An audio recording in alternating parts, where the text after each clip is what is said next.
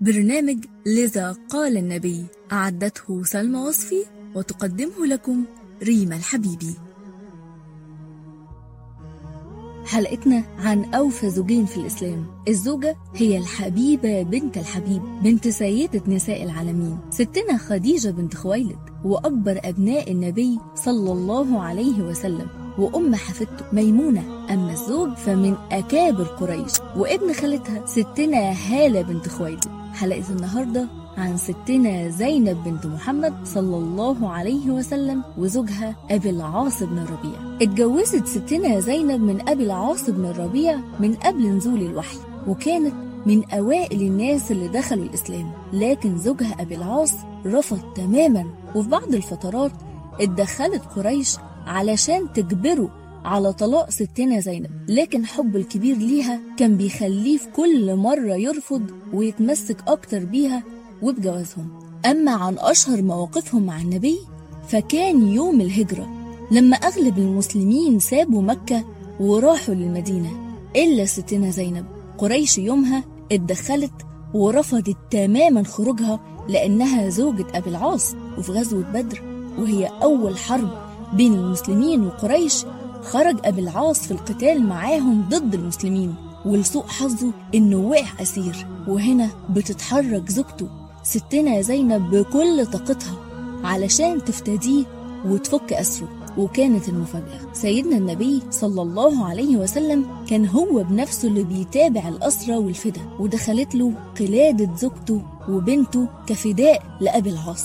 فبكى وقال لو حابين تطلقوا سراحه وترجعوا لها قلادتها فافعلوا. فقالوا نفعل أطلقوا سراحه وادوا القلادة لكن بشرط يسيب ستنا زينب تهاجر وتيجي على المدينة. وبعت معاه سيدنا زيد بن حارثة ورجل من الأنصار علشان يستنوا ستنا زينب عند البادية ويرجعوها للنبي. وهنا ستنا زينب بتفرح بعودة زوجها لكن بتتفاجئ بيه وهو بيقول لها بكل حزن إنهم أطلقوا سراحه وادوا القلادة مقابل إنها تسيب مكة وتروح على المدينة وإنهم مستنيينها عند أطراف البادية. وبتخرج وبتسيب زوجها وقلبها كله ألم على فراقه أما أبي العاص من كتر ما قلبه موجوع على فراقها ما قدرش يخرج بنفسه ويودعها وخلى أخوه هو اللي يخرج بنفسه علشان يوصلها عند البادية احتراما لكلمته مع النبي. أما الموقف التاني لما خرج أبي العاص على رأس تجارة قريش للشام. لكن وهو راجع خرجت عليه سرية رسول الله صلى الله عليه وسلم وأخدوا كل القافلة. فضل يفكر وفي الآخر جات له الفكرة. راح على المدينة سرا من غير ما حد يشوفه ووصل لستنا زينب وطلب منها تساعده إنه يسترد كل أموال قريش ويرجعها لهم. فخرجت بالفعل ونادت وقالت أجرت أبي العاص وهو في حمايتي وأمني. في الوقت ده سيدنا النبي صلى الله عليه وسلم اتدخل وقال لها أجريه وأكرميه. وفكرها إنه ما يحلش ليها كذوب. وراح بنفسه للسارية وطلب منهم لو يقبلوا يرجعوا له كل المال والتجارة أو يرفضوا. لكنهم قالوا بل نرده يا رسول الله.